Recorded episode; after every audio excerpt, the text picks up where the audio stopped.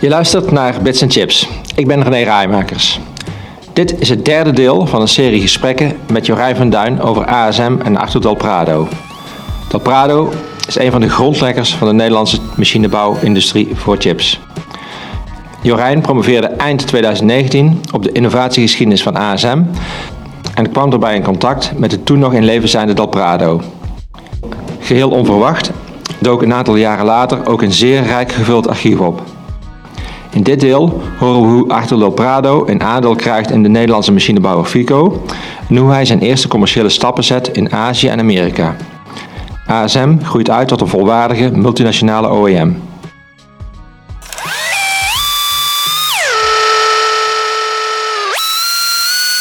Arthur dacht altijd dat hij de enige zelfstandige uh, handelaar of uh, verkoper of fabrikant was van halfgeleidertechnologie in, in Nederland. En er blijkt nog een bedrijfje te zijn. Aha. En dat is uh, Fico Toolings mm in Herwen, tegen de Duitse grens aan. En opgericht door Richard Vierkens. Deze man die heeft, was heel goed met matrijzen maken. En heeft zich van allerlei dingen daarop gemaakt. Van plastic frisdrankkratjes. Maar uiteindelijk besluit hij ook uh, matrijzen te maken voor de dual-in-line verpakkingen waarmee transistoren en chips eigenlijk worden ingepakt. Mhm. Vanaf eind jaren 60. Eh, ja. En hij doet dat zeer succesvol. Mm en krijgt daar zelfs orders voor van Philips. Mhm. Ehm, en zo leert hij waarschijnlijk Arthur kennen. Ja, ja, want Fico is op zoek naar een, uh, ook naar wil internationaal meer die groei hebben. Dus hij wil die producten ook in het buitenland kunnen verkopen. Nou, en er is gewoon één hele goede verkoper daarvan in Europa met een breed netwerk en dat is Arthur. Dus Fico en Arthur gaan in eerste instantie de relatie aan om uh, dat Arthur de verkoper wordt. Maar eigenlijk na een paar jaar willen de bestuursleden van Fico's bedrijf, hij heeft een aantal een raad van commissaris met aandeelhouders, want hij wil dat zelf niet zijn. Hij wilde gewoon die, die, die liquiditeit uh, hebben, denk ik. Uh, die, die willen weg. Die zijn oude mannen, die gaan met pensioen. Mm -hmm. En hij vraagt eigenlijk aan Arthur, wil jij dat belang niet overnemen? Mm -hmm. En Arthur zegt, ja, dat wil ik. Dat is 1974. Uh, ja. En daarmee wordt eigenlijk, uh, Arthur heeft in eerste instantie een meerderheidsbelang en later wordt dat een volledig belang, een paar jaar later, in Fico. En daarmee heeft hij dus enerzijds de verkooptak, voor uh, allerlei uh, halfgeleiderproducten, ja. technologieën. Uh, dan heeft hij zijn eigen machines die hij bouwt in Beeldhoven. Ja. Dat zijn ovens. En dan heeft hij daarnaast nog de matrijzen en verpakkingen van Fico. En ze weten precies wat ze doen. Ja. Ja. Ze weten precies wat ze doen. Ja, dat beeld heb jij ook. Nou ja, het is, het, is, het is wel een beetje een cowboy-verhaal wat er bij ASM plaatsvindt. En ASM bluft ook nog wel in die eerste fase. Dus Arthur verkoopt soms al in zeker de eerste twee jaar verkoopt hij machines ja? die, nog nooit, die hij nog nooit zelf heeft gemaakt. Oh ja. Dus, dus uh, hij kent die markt zo goed. Dat wil zeggen, hij, hij uh, weet wat er speelt omdat hij gesprekken heeft met uh, halfgeleiderfabrikanten. En als hem een vraag gesteld wordt, bijvoorbeeld van hé, hey, ik, ik heb een bepaald proces nodig dan zegt hij van dat, dat ga ik voor je regelen. Ja, en, en vaak, uh, en Martin van Beest, dat is ook echt, heeft een goede klik met Arthur ook. Mm -hmm. is een hele nieuwsgierige man. Ja, ja. En hij, hij ook gewoon echt een, een, eh, een echte typische techneut. Die gaat gewoon aan de slag. Die gaat ja, het gewoon proberen te maken. Uh, en, en het is ook spannend natuurlijk om te doen. Dus, Overvraagt Arthur hem niet? Dat idee heb ik niet. Oké. Nee. Ik heb het idee dat, uh, dat uh, Martin enorm genoten heeft van, uh, van de rol die hij heeft toebedeeld heeft gekregen. Oh ja, want hij mag het natuurlijk allemaal maken. Ja, ja, maar is ook spannend. Hij mocht ook installeren. Ja, dat was natuurlijk altijd een avontuur. Dan moesten ze weer naar hot naar her. In welke hoek van Europa ingevlogen worden. Ja. Zo'n machine in elkaar, elkaar zetten. Mm -hmm. Nee, dus ik heb, dat is een hele goede combinatie. Maar dus de, de, de eerste, eerste SOX van ASM die wordt op zolder gebouwd van de villa. Mm -hmm. Uh, de tweede wordt in de gang uh, half in elkaar gezet. SOX? SOX is die siliciumoxide oh, ja, uh, oven. Ja. De tweede is een siliciumnitride oven, mm -hmm. NOx.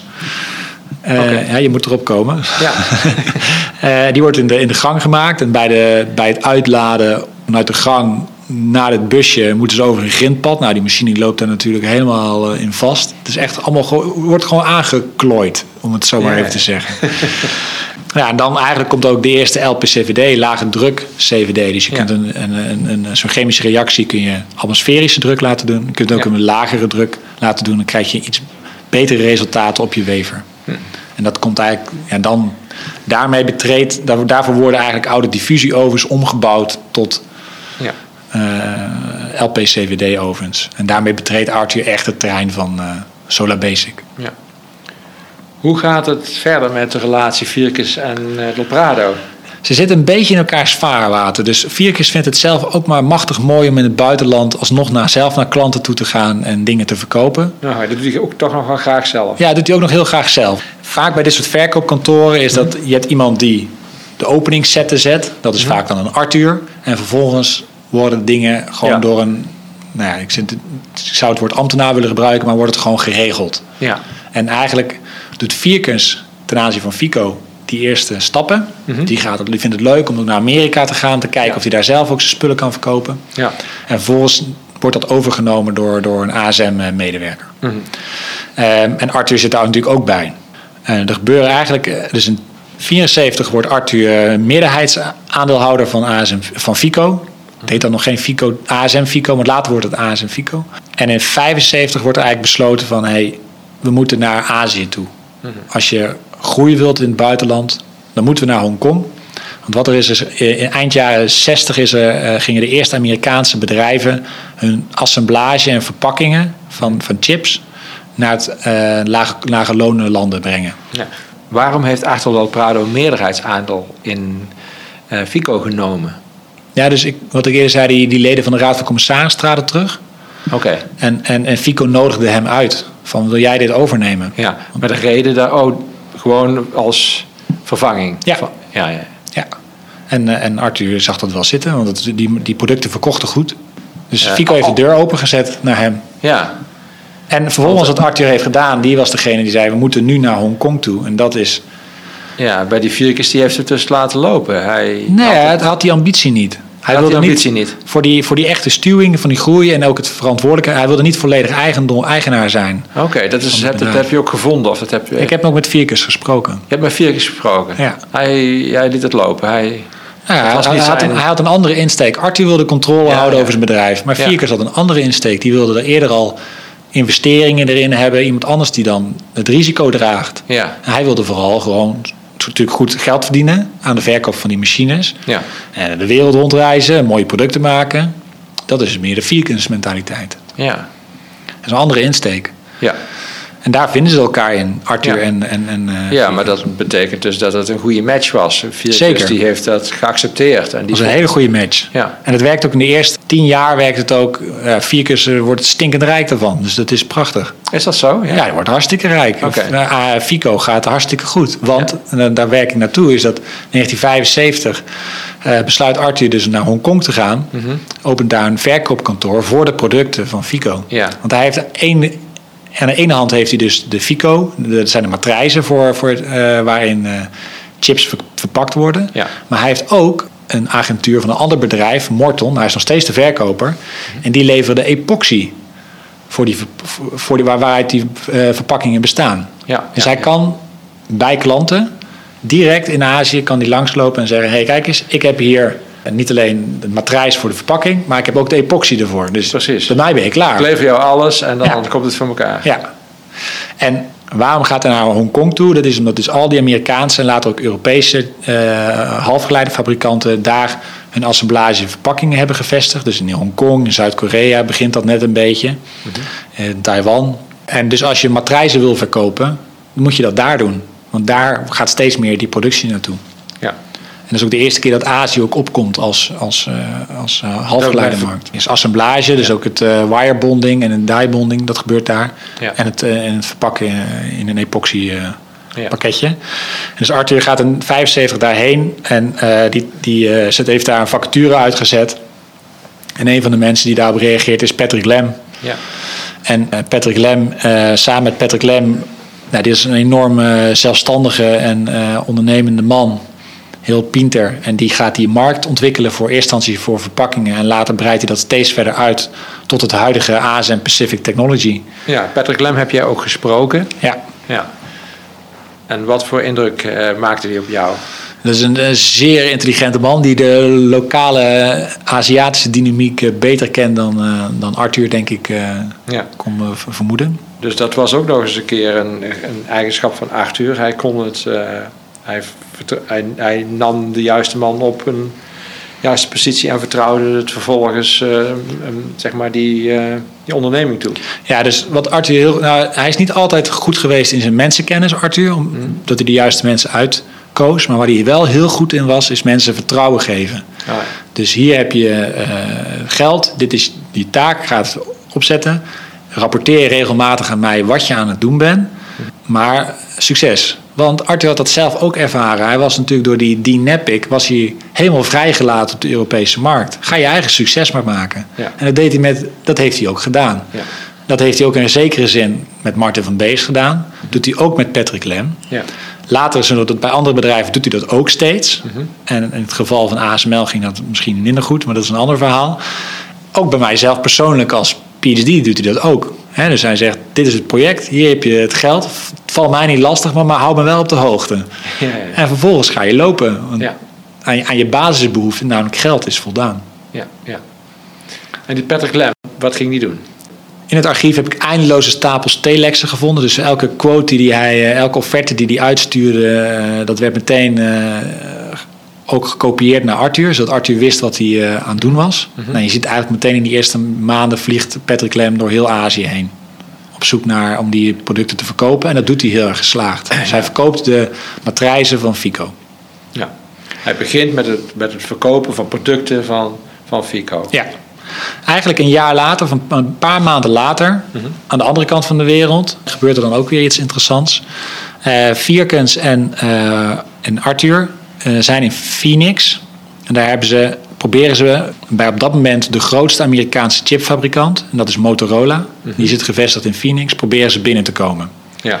Uh, de ovens uit Beeldhoven die zijn echt niet uh, goed genoeg. Want Motorola maakt zelf veel betere machines ja? op, dat, op dat vlak. Hmm. Maar de matrijzen van Fico, die daarentegen zijn, wel, zijn ze wel in geïnteresseerd. Okay. En dat heeft ermee te maken dat, dan moet ik het goed zeggen, dat de matrijzen van van Fico waren veel vormvaster dan die van hun concurrenten. En dat deed hij door, door ze kortstondig eventjes heel erg op te warmen. En dan meteen weer laten afkoelen. Ja. En als dat één keer was gedaan met, met dat materiaal, dan volgens gingen ze nooit meer werken. kwam het metaal tot stilstand. Terwijl bij concurrenten gebeurde nog wel eens dat het metaal weer ging uitzetten na zoveel uh, maanden. Dus dat was, een, wat, dat was iets wat Vierkens uh, zijn matrijzen heel goed maakte. Mm en terwijl zijn... Dat is eigenlijk een, uh, zoals de smid dat ook doet. Hè? Even in uh, een hoefijzer of wat dan ook. Ja. Even in koud water en eruit. Ja. Dan bevries je de, de, de, de, de kristallijne toestand. Ja. En te, tijdens een van de reizen van Patrick Lem uh, in, in Azië, waar Motorola ook dus assemblage en verpakkingsdingen op aan het zetten is, mm komt, loopt de topman, of een van de inkopers, hoofdinkopers van Motorola, die treft Patrick Lem uh, die Fico-matrijs daar aan het verkopen is. Ergens in Singapore of een van die landen. En die hoort daar hele goede verhalen over. En die bericht dat terug naar het hoofdkantoor in Phoenix. Waar op dat moment Arthur en uh, Vierkens ook een voet probeert tussen, tussen de deur proberen te krijgen. Aha. En dus opeens. Reclame. Ja, dus er komt in één keer van twee kanten komt er goed, uh, goed bericht binnen. Ja. Binnen in Phoenix werkt Arthur samen met een lokale vertegenwoordiger. Die dus alle ingangen heeft binnen Motorola. Dat is Ed Foley. En wat op dat moment gebeurt binnen de, de procesafdeling van Motorola is er veel onrust. Een kampioen is overgelopen naar Fairchild, de concurrent. Er is een nieuw, waait een nieuwe wind door. Een persoon die... Uh... Ja, die echt heel hoog aangeschreven stond binnen de organisatie. Mhm. En uh, er bestaat veel onduidelijkheid. Gaat Motorola, blijft Motorola nog wel zo verticaal geïntegreerd als dat ze zijn? Mhm. En uh, ze besluiten het lijkt erop dat ze een aantal afdelingen gaan afstoten. Waaronder de epitaxieafdeling. Mm En uh, Ed Foley hoort dat. En die, uh, die zegt tegen Arthur: ja, als jij hier lokaal wil gaan leveren, moet je een lokale afdeling zetten, opzetten. En er zijn gewoon een aantal jongens, mannen binnen Motorola die weg willen. Ja. En ook wel openstaan voor een eigen onderneming te beginnen. Het zijn tenslotte Amerikanen. Ja.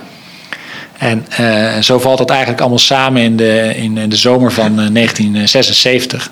Waarbij Don Jackson, dat is dan het hoofd epitaxie van Motorola, uh, samen met Arthur en Ed Foley in eerste instantie ASM Amerika oprichten. Mm -hmm.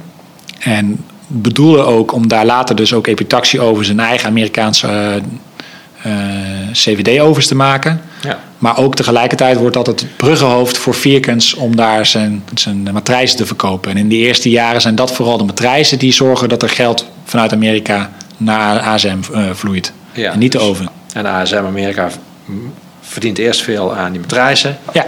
En gaat intussen machines bouwen. Gaan ze proberen, ja. ja. Dus dan uh, krijgen we de, die uh, lage druk CVD komt dan op als trend. En dat uh, komt er één techneut vanuit Motorola ook mee die dat heeft gedaan. Mm -hmm. Een low temperature oxide proces. Wat zeer bewerkelijk en heel erg goed ingeregeld moest worden. Maar dat was lage temperaturen oxides kunnen laten groeien. Dat was zeer gewild in die mm -hmm. tijd. Ook als passivatie, passivering van de, het oppervlakte van de chip. Zodat ja. er geen buiten, invloeden van buiten meer op de chip naar binnen konden dringen. Gebruikten ze toen nog oxide voor. En dat zorgde ervoor dat, uh, die dat, dat proces, low temperature oxide, dat is een redelijk succes ja. in Amerika. Dat zorgde ervoor dat ASM Amerika de eerste verkoper doet. Mm -hmm. Maar ze hebben hevige, hevige concurrentie. Uh, dus het is Termco in Amerika. Bruce zit volgens mij in die tijd ook wel. Pacific Western. Tempress natuurlijk zit daar nog. Uh, Applied Materials doet ook, ook siliciumoxide processen. Ja. En uh, Amea Applied Materials, uh, die, die laat natuurlijk geen kans onbenut om erop te wijzen dat ASM eerder hun machines heeft nagebouwd. Ja. Dus, dus, dus ze hebben een slechte start in Amerika. Ja, Je kunt zeggen dat Vierkens het breekijzer is geweest om, om overzees te gaan. Dus naar Hongkong en naar, het heeft geholpen in ieder geval bij ASM Amerika. Ja. En uiteindelijk zal ASM Amerika ook echt het, het, het, het, het, het de organisatie zijn waarbij ASM internationaal doorbreekt. Met plasma CVD en uiteindelijk ook in 1981 als eerste Nederlandse onderneming op de Nasdaq. Dus ASM die heeft uh, wereldwijd eind jaren 70 vestigingen in Azië, Amerika en Europa. Ja, en daarmee klopt. is het eigenlijk een multinationale machinebouwer. Ja, zeker. Ja. ja. Dus uh, op dat moment doen ze ook nog wel deels een beetje verkoop. Maar dat neemt eind ja, 1979 is dat eigenlijk wel klaar. Ja, en dat is eind jaren 70 en dat is ook de start van de grote groei van ASM. Hè? Ja, zelfs, er worden zelfs ASM-producten al verkocht dan in, in Japan. Ja. En, en, en in, in die fase stopt ASM eigenlijk als verkoopkantoor en wordt het echt een original equipment manufacturer. Dus het gaat echt alleen naar eigen producten verkopen. Ja, en dat is dus de, de nu komt er een grote groeispurt. Ja. Uh, uiteindelijk zal uh, ASM uh, genoteerd zijn aan de beurzen in Amerika en in Amsterdam. En dat zorgt voor een ongekend optimisme. ook krijgt Arthur Del Prado een prijs als beste ondernemer van Nederland. Het kan niet meer stuk. Ja, het gaat fantastisch. Ja. Hij heeft nog geen beursnotering in Amsterdam overigens. Het is alleen nee? een Nasdaq. Oké. Okay. Want in, Euro in, in, Europa begrijpen ze nog helemaal niks van chipmachinebouw. Mm -hmm. Arthur is echt een pionier. Hij is bij banken binnengelopen. En die, uh... Maar hij heeft twee keer doet hij een beursgang, hè? Hij doet twee keer een aandelenuitgifte. Ja, maar het is allebei de keren in de Nasdaq. Allebei de keren op de Nasdaq. Ja. Oké. Okay. Dat is 1981 en 1983. Ja, dus de wereld ligt voor hem open. Dan ligt de wereld ligt aan zijn voeten. Ja. Ja, dan wordt hem ASML in de schoot geworpen, min of meer. En dat zet de deur weer open naar Philips, want dat die zo lang dicht is gebleven, ja. uh, wordt de deur dan naar Philips weer opengezet.